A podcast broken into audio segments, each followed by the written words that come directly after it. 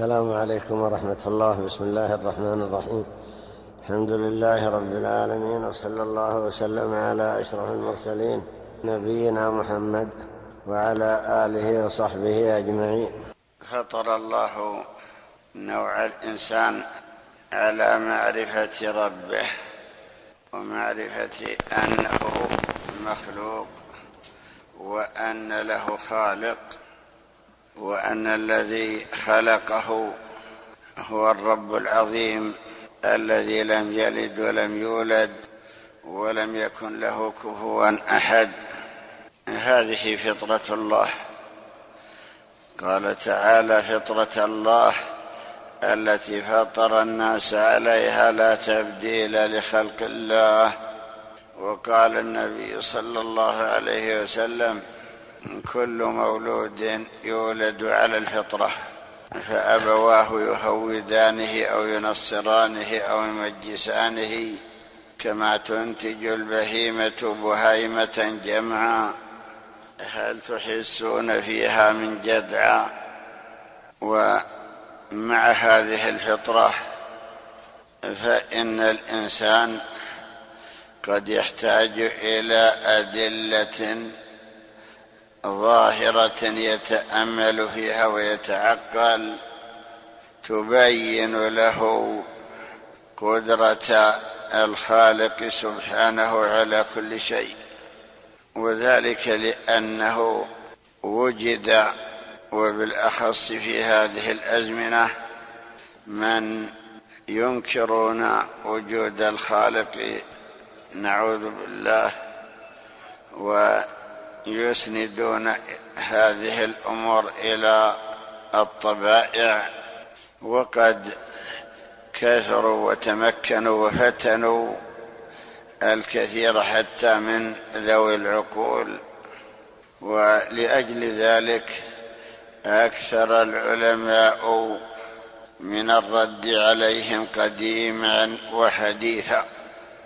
فذكروا عن الإمام أحمد رحمه الله أنه سئل عن آية تدل على وجود الله تعالى فاستدل بآية عجيبة وهي هذه البيضة بيضة الطائر ونحوه. نشاهد أنها جماد ميتة ليس فيها حركة. ثم مع ذلك بعد مدة تنكسر ويخرج منها هذا الحيوان. أين كانت حياته؟ الله أعلم. كيف كان حيا في وسط هذه الأغطية؟ إذا كسرت لم نجد علامة لوجوده. يقول مثالها كقصر. قصر أبيض ليس له باب وليس له منفذ. ظاهره مثل الفضة البيضاء وباطنه مثل الذهب الابريز الأصفر. نشاهد أنه جماد لا حياة فيه ولا حركة. بعد مدة ينكسر جداره فيخرج منه هذا الطائر أو هذا الحيوان. لا شك أن هذه آية عظيمة على قدرة من خلقه. كذلك أيضا ذكروا أن الإمام أحمد جاءه بعض الفلاسفة أو بعض الملاحدة وألقوا عليه سؤالا في نظرهم أنه يحير. وقالوا كيف يقر الخلق بوجود الخالق أو بوجود الرب؟ فضرب لهم أبو حنيفة مثلا وقال هل تصدقون مثلا أن هناك سفينة ليس فيها أحد وأنها تمشي مع البحر ليس فيها سائق وترسي على الساحل وتحمل نفسها بأنواع الأمتعة وأنواع الأطعمة وما يحتاج إليه من البضائع ثم تتوجه إلى البلاد الأخرى وتنزل ما فيها من البضائع وتعزل كل جنس على حالته وعلى حدته ثم ترجع كذلك وهي ليس فيها من يقودها. فقالوا هذا لا يصدق به عاقل. فقال ويحكم ألا ترون هذه المخلوقات؟ ألا ترون هذه الأفلاك السائرة؟ ألا ترون هذه الأفلاك الثابتة؟ من الذي يسيرها؟ نشاهد هذه الأفلاك عظيمة كما عظمها خالقها. فبهت القوم وأسلموا على يديه. ولا شك أن هذه آية عظيمة. يقال مثلا هذه الأجرام العلوية الشمس والقمر والنجوم التي لا يحصي عددها إلا الله مع بعد ما بينها وبيننا نشاهدها أحيانا تجتمع يجتمع الشمس والقمر أحيانا في أول الشهر ثم في وسط الشهر يتفرق يتفرقان. تكون الشمس في المغرب والقمر في المشرق وكذلك أيضا يشاهد نوره أنه أول الشهر ضعيف ثم في وسط الشهر يكون قد اكتمل نوره. حيث يكون مقابلا للشمس وهكذا النجوم. سيرها متفق لا يتجاوز حده الذي حد له وهكذا أيضا السحب. كيف؟ تسير كما شاء الله تعالى. تارة تأتي من الشمال تسير جنوبا.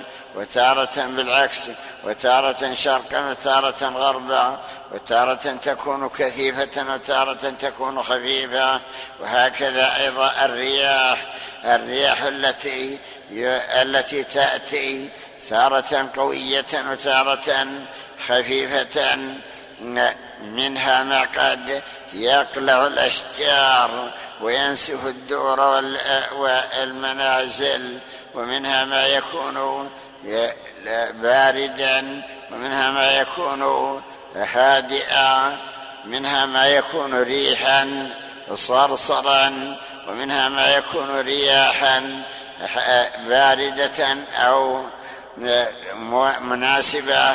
حتى قال بعض العلماء لو سكنت الريح ثلاثة أيام عن الأرض لأنتن كل ما على وجه الأرض جعلها الله تعالى لهذه الحكمة. وكذلك أيضا هذه الأرض التي بسطها الله وما عليها من هذه المخلوقات التي لا يحصي عددها إلا الله كما في قول الله تعالى وبث فيها من كل دابة ثم إذا تفكرنا في هذه الدواب وجدنا أن خلقها محكم غاية الإحكام. كل دابة قد أعطيت ما تعيش به ولا تتعطل ولا تموت جوعا إلا إذا شاء الله تعالى. نشاهد أصغر شيء نراه الذرة. وهذا الذر كيف يتناسل؟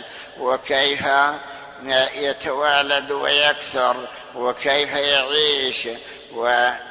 واين أكلها الذي تأكله؟ وهل فيها مثلا عروق يسري فيها هذا الطعام ويصل إلى أعضائها فتنمو بذلك وتنبت وتعيش؟ وكيف تكون أعضاؤها وعظامها مثلا ومواطئ أقدامها؟ وما أشبه ذلك؟ لا, لا ترى إلا بمجهر أو نحوه ولكن الذي خلقها أحكم خلقها وعرفها كيف تعيش في هذه الدنيا. ذكر ابن القيم في بعض كتبه كشفاء العليل أن إنسانا رأى ذرة تجر لها قطعة لحم صغيرة وعجزت عن حملها ثم ذهبت فجاءت معها بأربع أو بخمس من الذر ولما رآهن أقبلنا رفع هذه القطعة قطعة مثل النواة وأبعدها فجاء الذر ولكنهن لم يجدن في ذلك المكان هذه القطعة. ورجعنا وبقيت الأولى فلما ذهبنا ألقى إليها هذه القطعة فلما ألقاها وشمتها وحاولت أن تجرها عجزت وذهبت فجاءت معها بأربع أو بخمس من الذر فلما رآهن أقبلنا حملها وأبعدها. جئنا إلى مكانها فلم يجدن شيئا فرجعنا.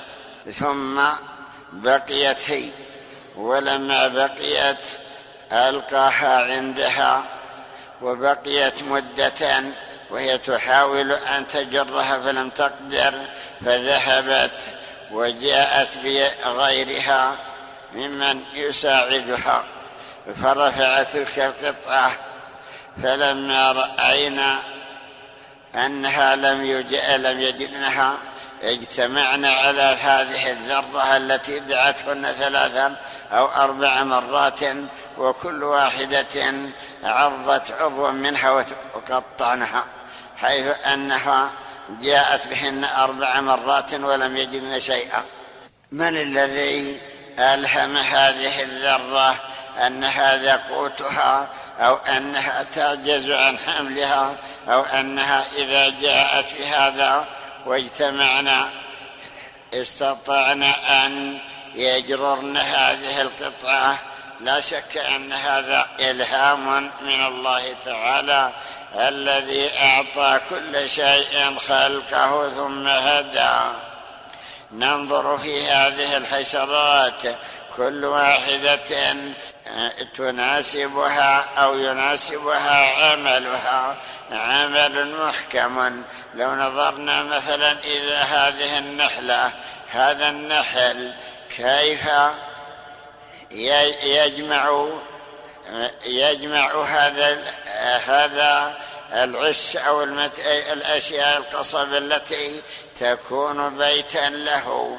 ثم بعد ذلك كيف يلقي فيه هذا النح هذا العسل الذي يلقيه من جوفه. بعدما يأكل ثم يلقيه ثم بعد ذلك يجعل فيه بيضة صغيرة تفقس ثم بعد ذلك تتغذى من هذا العسل ثم بعد ذلك تعيش وتصير مثل أمهاتها. وهكذا أيضا نوع من الزنابير.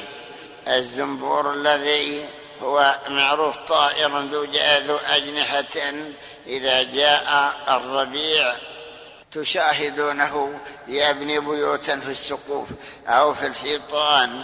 هذا البيت الذي يبنيه يملأه من العقاقير التي هي من هذه الحشرات التي تعيش في على أو تتوالد في الأعشاب.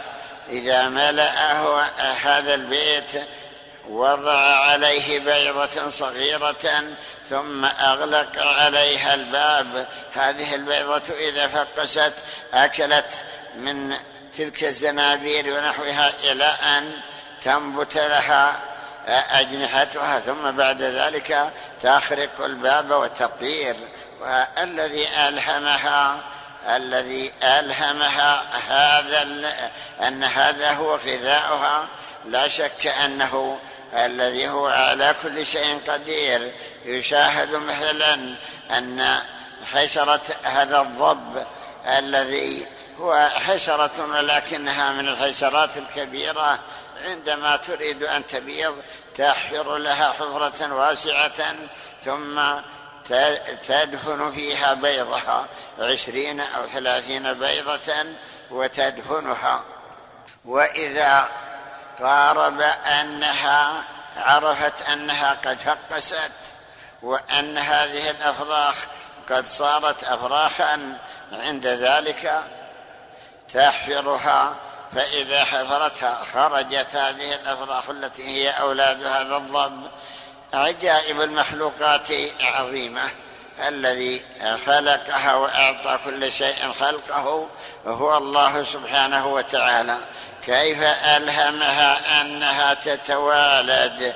كيف ألهم الذكر؟ كيف يأتي الأنثى؟ نشاهد مثلا أن الدواء أن هذه الأنعام الأنعام تتوالد كما يشاء الله. من الذي ألهم هذا الكبش؟ الذكر من الضأن أن فرج الأنثى تحت هذه الآلية الكبيرة. إذا أراد أن ينزو عليها للضراب رفع هذه الآلية كلها إلى أن يبدو فرجها. لا شك أن هذا إلهام من الله تعالى. لم يكن هناك من يعلمها ولا من يبين لها كيف يأتيها. الله تعالى يقول الذي أعطى كل شيء خلقه ثم هدى. هدى الذكر كيف يأتي الأنثى. حكمة عظيمة حتى يحصل هذا التوالد.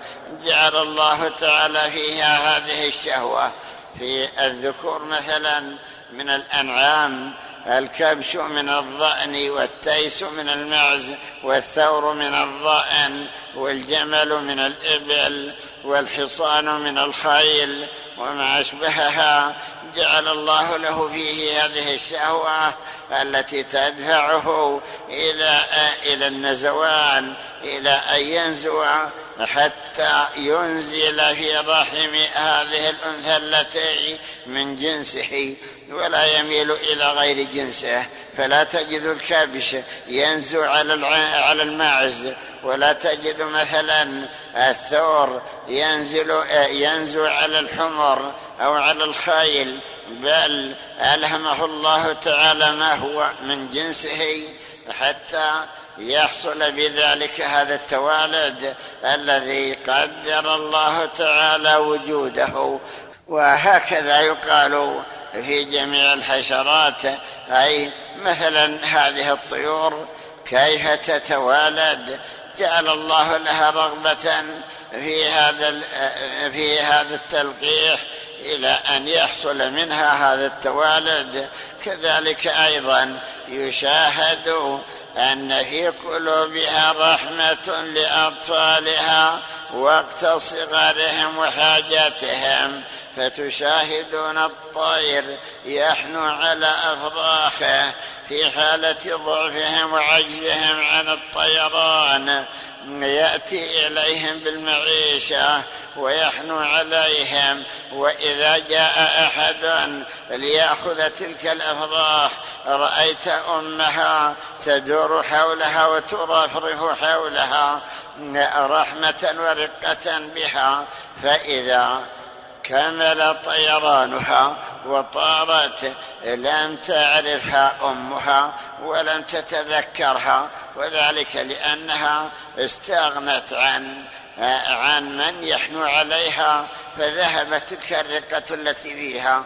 وهكذا أيضا في الدواب يشاهد مثلا أن الناقه تحن على على ولدها في حالة صغره وترضعه مثلا وتحن عليه إذا لم تجده وهكذا البقرة وهكذا بقية الأنعام تحن على أطفالها وتعطف عليها رحمة جعلها الله تعالى في قلوب هذه الوالدة أيا كانت إلى أن يتم تنامي جسد الولد ويستغني فبعد ذلك يقوم بحاجته ويقوم بنفسه مشاهد أيضا.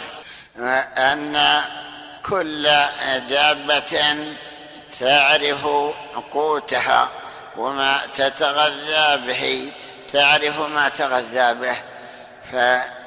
فالصيد مثلا يعرف غذاءه من النباتات والأعشاب وما أشبهها. السباع تعرف غذاءها الذي تغذى به من الحيوانات واللحوم وما أشبه ذلك.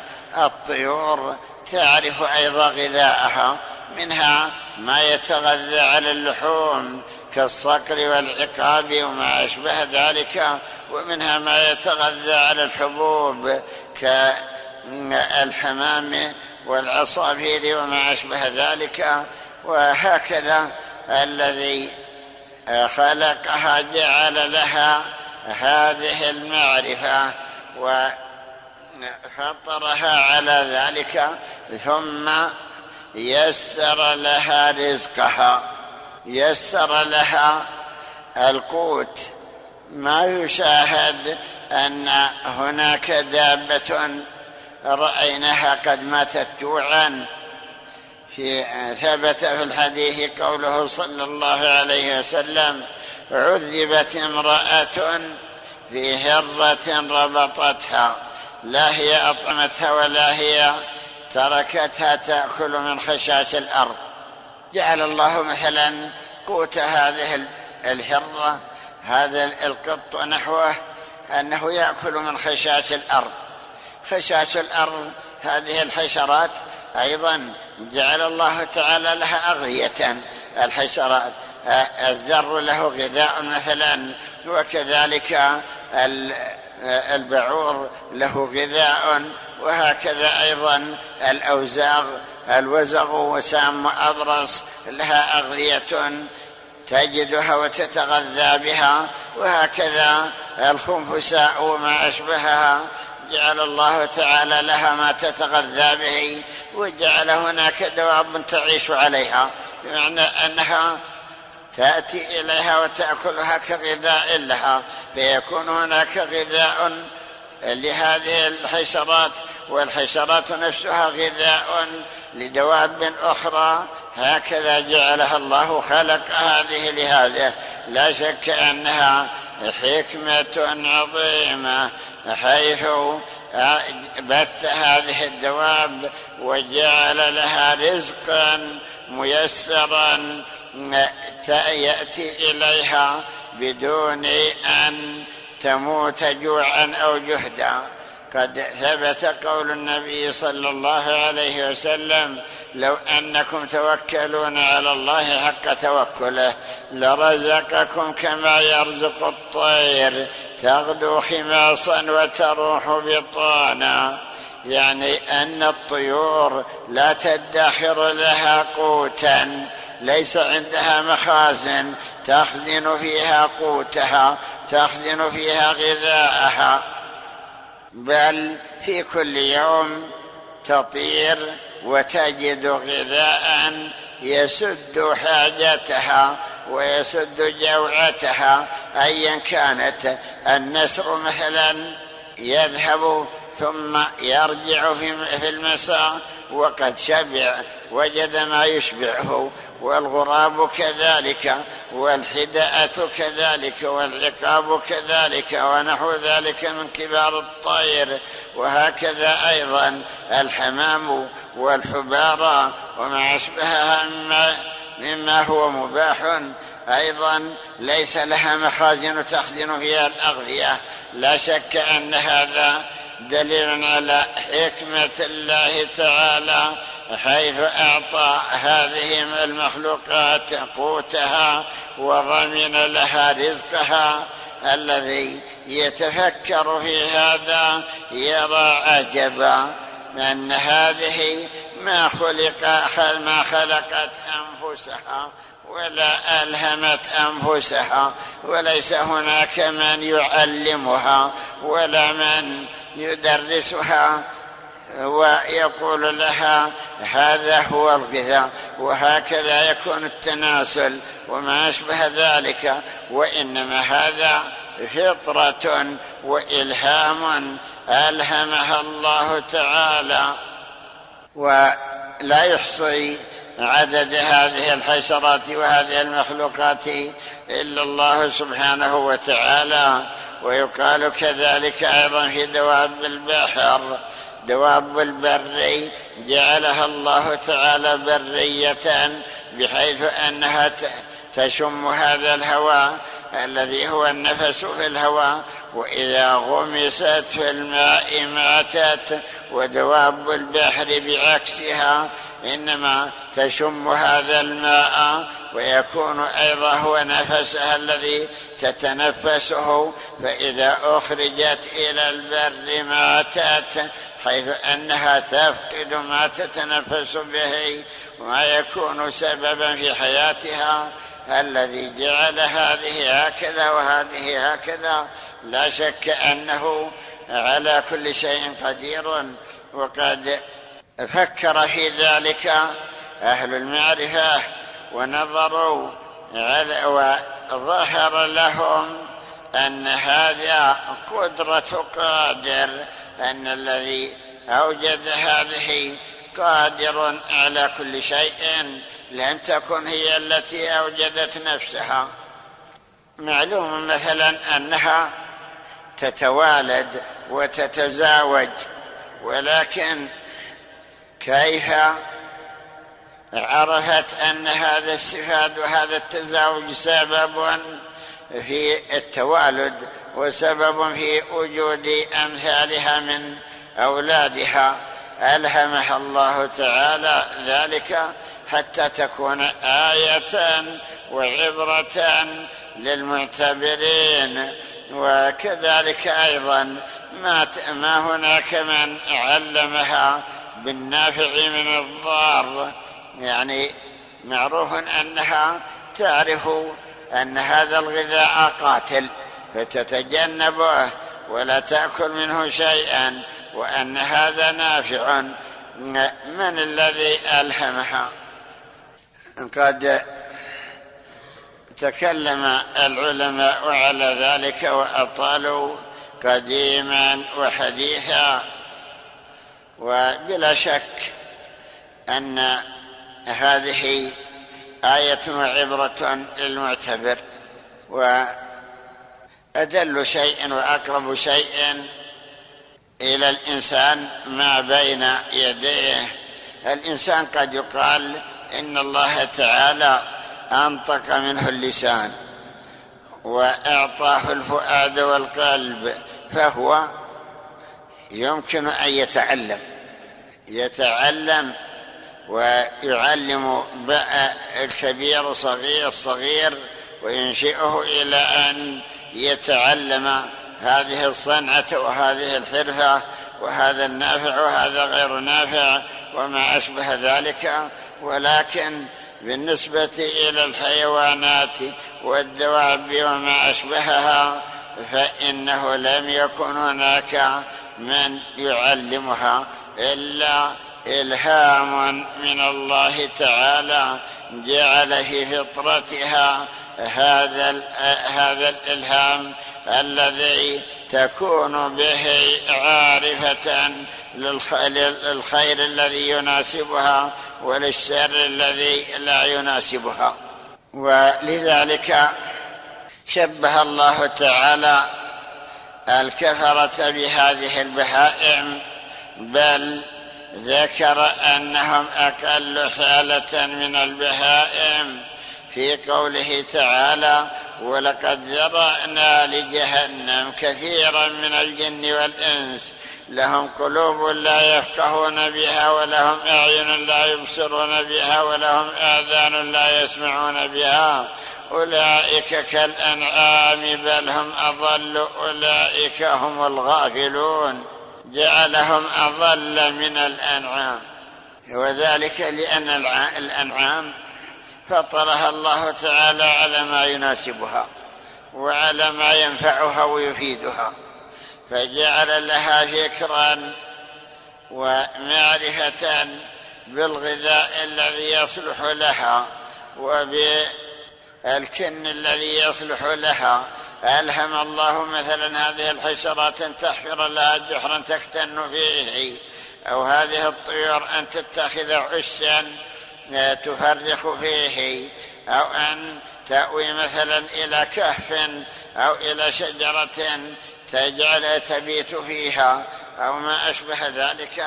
أما هذا الإنسان الذي لم يعتبر بما أمامه ولم يتفكر في هذه المخلوقات العظيمة الموجودة وكفر بالله تعالى ولم يعترف بخالق خلقه ولم يفرق بين خالق ومخلوق وجعل نفسه همه هذه الحياة همه شهوته شهوة بطنه وشهوة فرجه ولم يلتفت إلى الحكمة التي خلق لأجلها فمثل هذا أقل حالة من البهائم. ولذلك يقال لو سلب هذه الحواس لكان خيرا له. كما قال تعالى فما أغنى عنهم سمعهم ولا أبصارهم ولا أفئدتهم من شيء إذ كانوا يجحدون بآيات الله. فأما إذا رزقه الله تعالى علما وبصيره ونورا ايمانيا فإنه يفكر فيما خلق له ويعرف كيف آه، وجد ولأي شيء خلق ويستدل بما بين يديه على قدرة من خلقه وأنشأه ويعرف بعد ذلك أنه ما خلق عبثا وأن الذي خلقه له حق عليه فيعبده حق عبادته وهذا هو العاقل الذي تميز عن البهائم. نقرأ الكتاب. بسم الله الرحمن الرحيم. الحمد لله رب العالمين. الصلاة والسلام على أشرف المرسلين نبينا محمد وعلى آله وصحبه أجمعين. قال رحمه الله تعالى ما ذكر من الفضل في المتفكر في ذلك. قال حدثنا جعفر بن عبد الله بن الصباح. قال حدثنا محمد بن حاتم المؤدب. قال حدثنا عمار بن محمد عن ليث عن سعيد بن جبير عن ابن عباس رضي الله عنهما. قال تفكر ساعة خير من خير من قيام ليلة. قال حدثنا عبد الله بن محمد بن زكريا. قال حدثنا عثمان بن عبد الله القرشي. قال حدثنا إسحاق بن نجيح الملطي. قال حدثنا عطاء الخراساني عن أبي هريرة رضي الله عنه. قال قال رسول الله صلى الله عليه وسلم فكرة ساعة خير من عبادة ستين سنة. قال حدثنا الحسن بن هارون بن سليمان قال حدثنا أحمد بن الدورقي قال حدثنا محمد بن كثير عن أبي إسحاق عن عطاء بن السائب عن سعيد بن جبير عن ابن عباس رضي الله عنهما قال ركعتان مقتصدتان فيهما تفكر خير من قيام ليلة والقلب ساه قال حدثنا عبد الرحمن بن محمد بن حماد قال حدثنا علي بن المنذر قال حدثنا ابن فضيل قال حدثنا الأعمش عن عمرو عن عمرو بن مرة عن عمرو بن مرة عن سالم بن أبي الجعد قال سألت أم الدرداء رضي الله عنهما ما كان أفضل عمل أبي الدرداء؟ فقالت التفكر قال أخبرنا المروزي قال حدثنا عاصم بن علي قال حدثنا المسعودي عن عون بن عبد الله قال قيل لأم الدرداء رضي الله عنهما ما كان أكثر عمل أبي الدرداء رضي الله عنه قالت التفكر. قال حدثنا عبد الله بن محمد بن العباس قال حدثنا سلمة قال حدثنا سهل بن عاصم قال سمعت فضيلا يقول كلام المؤمن حكم وصمته تفكر ونظره عبرة إذا كنت كذلك لم تزل في العبادة ثم قرأ. وما خلقت الجن والإنس إلا ليعبدون قال حدثنا محمد بن يحيى المروزي قال حدثنا إسحاق بن المنذر قال حدثنا يحيى بن المتوكل أبو عقيل عن عمرو بن قيس الملائي قال بلغني أن تفكر ساعة خير من عمل دهر من الدهر قال أخبرنا أبو يعلى قال حدثنا عباس النرسي قال حدثنا يزيد بن زريع عن سعيد عن قتادة رضي الله عنه إن في ذلك لآيات للمتوسمين. قال المعتبرين. قال حدثنا الوليد بن أبان. قال حدثنا أبو حاتم. قال حدثنا أحمد بن أبي الحواري. قال سمعت عبد العزيز بن عوير يقول إن صنفا من الطير تجوعوا أربعين صباحا. ثم طاروا في الهواء فلما رجعوا إلى الطير كانوا يعرفون بعد بريح المسك. قال أحمد رحمه الله تعالى هذا مثل ضربوه للناس إذا زهدوا تفكروا وطارت قلوبهم في ملكوت السماء فيرجعون ويثنى عليهم. قال حدثنا الوليد قال حدثنا أحمد بن يحيى بن نصر قال حدثنا أبو حجر قال حدثنا كنانة بن جبالة عن عثمان, عن عثمان بن عطاء عن أبيه أن أبا بكر رضي الله عنه ذكر ذات يوم وفكر في يوم القيامة والموازين والجنة حيث أزلفت وفي النار حين أبرزت وصفوف الملائكة وطي السماوات والأرض ونسف الجبال وتكوير الشمس وانتثار الكواكب فقال وددت أني كنت خضراء من هذه الخضراء. وددت أني كنت خضرا من هذه الخضراء.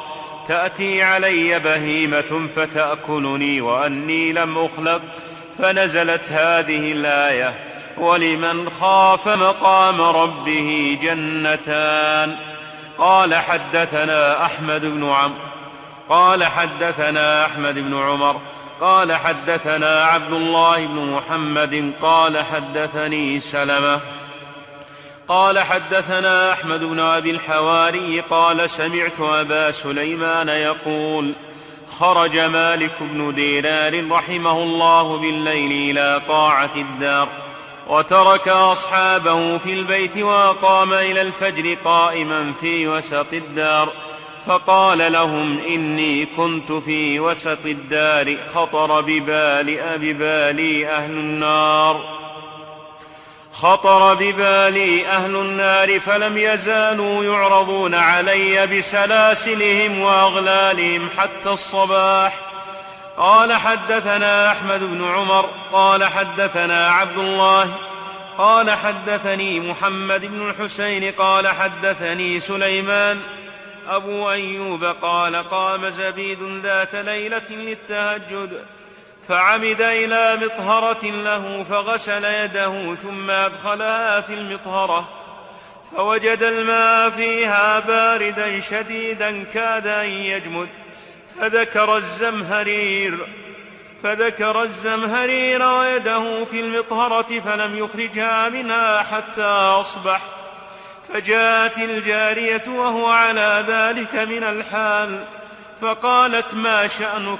لم تصل الليلة ما كما كنت تصلي. قال ويحك إني أدخلت يدي في هذه المطهرة فاشتد علي برد الماء فذكرت به الزمهرير فوالله ما شعرت بشدة بردي علي حتى وقفت عليه انظري لا تخبري بهذا أحدا ما دمت حيا. قال فما علم بذلك أحد حتى مات رحمه الله تعالى. قال حدثنا إبراهيم بن محمد بن الحسن. قال حدثنا أحمد بن سعيد. قال حدثنا ابن وهب. قال أخبرني عبد الله بن عياش عن يزيد بن قودر عن كعب رضي الله عنه قال من أراد أن يبلغ شرف الآخرة فليكثر التفكر. يكن عالما. قال حدثنا قال حدثنا قال حدثني الصلت بن حكيم عن جعفر بن سليمان عن رجل من أهل صنعاء. أظنه عبد الصمد عن وهب بن منبه رحمه الله قال الصمت فهم للفكرة والفكرة مفتاح للمنطق. والقول بالحق دليل على الجنة. قال وهب بن منبه رحمه الله ما طالت فكرة امرئ قط إلا فهم وما فهم امرؤ قط إلا علم وما علم امرؤ قط إلا عمل.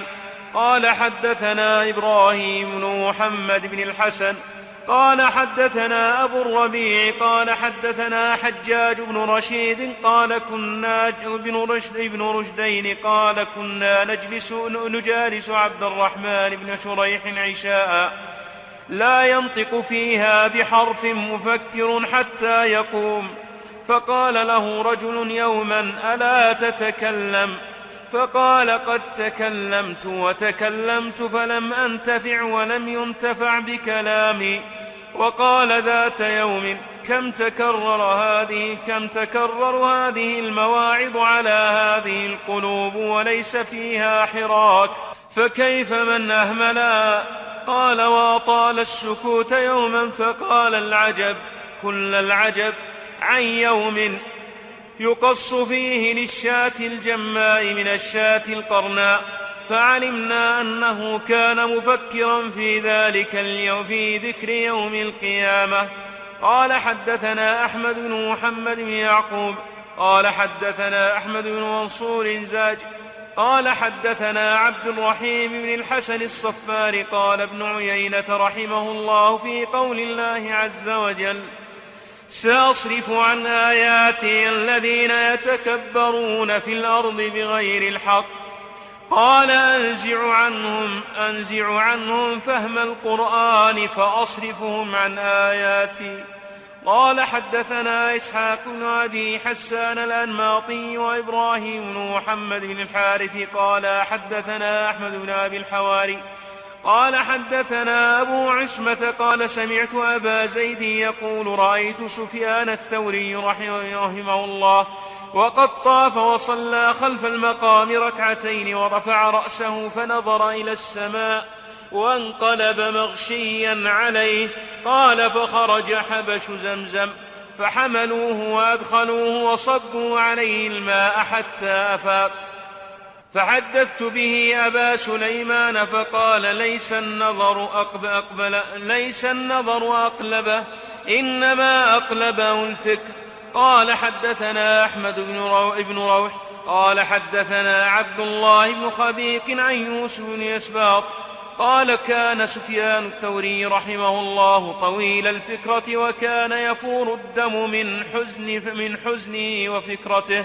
قال حدثنا أبو بكر بن معدان قال حدثنا عبد الله بن خبيق قال قال يوسف بن أسباط قال لي سفيان الثوري رحمه الله وقد صليت العشاء الآخرة. ناول للمطهرة أتوضأ. فناولته فأخذها بيمينه ووضع يساره على خدي. ثم قمت ونمت. فلما طلع الفجر أتيته فقلت يا أبا عبد الله طلع الفجر. فإذا المطهرة بيمينه ويساره على خده. فقال لم أزل منذ ناولتني المطهرة. أفكر في أمر الآخرة إلى الساعة. سمعنا هذه الآثار. أولا في فضل التفكر وثانيا في كيفية تفكر السلف والأئمة رحمهم الله. ذكروا أن تفكر ساعة خير من إحياء ليلة أو من عبادة سنة أو من عبادة ستين سنة. ولا شك أن هذا خاص بمن تفكره يزيده علما وعملا. وخاص بأهل العقول الذين يتفكرون فكرا يدلهم على قوة المعرفة. ذكروا في الآيات التي في الأنعام الوصايا العشر قوله تعالى قل تعالوا أتل ما حرم ربكم عليكم إلى قوله ذلكم وصاكم به لعلكم تعقلون ولا تقربوا مال اليتيم إلا بالتي هي أحسن. إلى قوله ذلكم وصاكم به لعلكم تذكرون.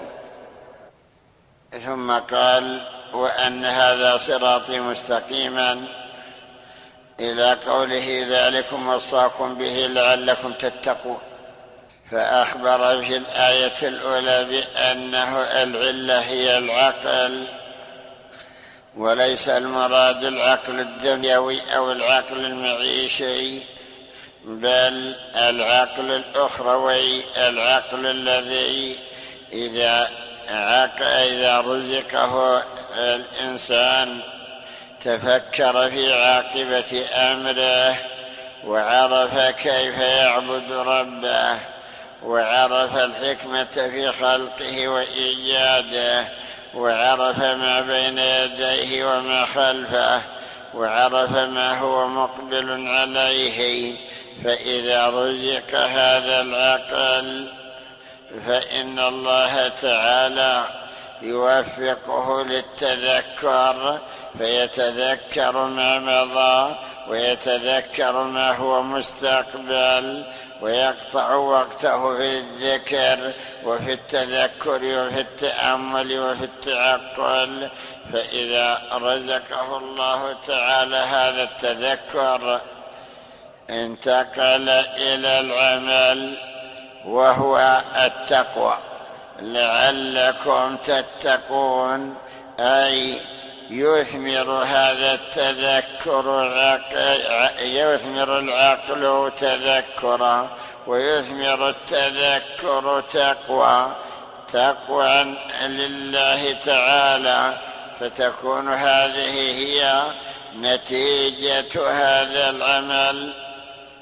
لا شك عباد الله أن التفكر قد يراد به تأمل هذه الحياة وما فيها وقد ينطبق على التأمل لما بعد الموت.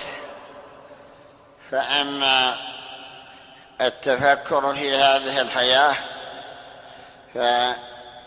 فيعود مثلا إلى أن الإنسان يتفكر في الدنيا وتقلبها فيعلم أنها ليست في الدار قرار فيجعل زاده فيها زادا اخرويا. إذا تذكر أنه قد ملك الدنيا ملوك قد تجبروا وتكبروا وقالوا من أشد منا قوة وأخبر الله تعالى ببعض أعمالهم كقوله أتبنون بكل ريع آية تعبثون وتتخذون مصانع لعلكم تخلدون وإذا بطشتم بطشتم جبارين. فهل بقي هؤلاء وهل خلدوا؟ مكثوا قليلا من الزمان ثم عتوا وبغوا وطغوا وتجبروا فأرسل الله عليهم العذاب أرسل الله عليهم ريحا صرصرا في أيام نحسات سبع ليال وثمانية أيام حسوما. كذلك أيضا يتفكر في قوم هود الذين هم عاد وفي قوم صالح الذين هم ثمود وفي قوم شعيب وفي الأمم الذين قص الله تعالى علينا أخبارهم وكيف كانت نهايتهم وكيف كان أمرهم وبأي شيء ملكوا وعذبوا ولأي ذنب عذبوا وهكذا أيضا يتذكر ويتفكر في من كان عنده أموال طائلة ولم تغن عنه شيئا كما ذكر الله عن قارون وكيف أن الله خسف به وبداره الأرض فما كان له من فئة ينصرونه من دون الله وما كان من المنتصرين وكيف قص الله علينا أيضا خبر سبأ وما كانوا فيه حيث كانوا في نعيم عظيم ثم اهلكهم الله تعالى وأرسل عليهم سيل العرم وهكذا القصص المتقدمة. كذلك أيضا يتذكر القصص الجديدة في هذه الأمة. يتذكر أن هناك في هذه الأمة من تملكوا وتقدموا في الدنيا وعملوا وتصرفوا ولكن اين هم ما بقي منهم إلا أخبار وآثار. تلك آثارنا تدل علينا. فانظروا بعدنا إلى الآثار. ما بقي إلا أخبارهم. فإن كانوا صالحين مدحوا بما أصلحوه من الأعمال وإن كانوا غير ذلك ذموا وتوجه السب والذم إليهم. هذا على الألسن. وأما في الآخرة فالأمر فيهم إلى الله سبحانه وتعالى.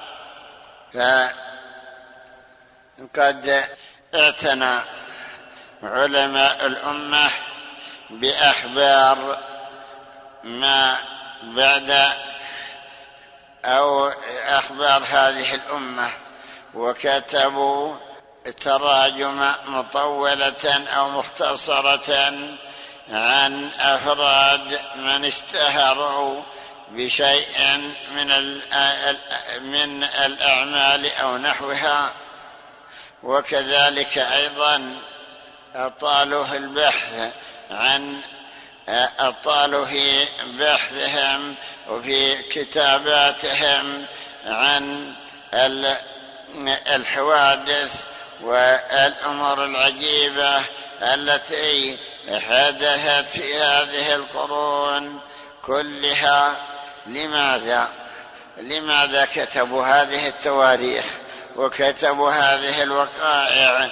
وكتبوا لنا هذه الأخبار لا شك أن فيها عبرة لمن اعتبر وذكرى لمن يريد أن يتذكر.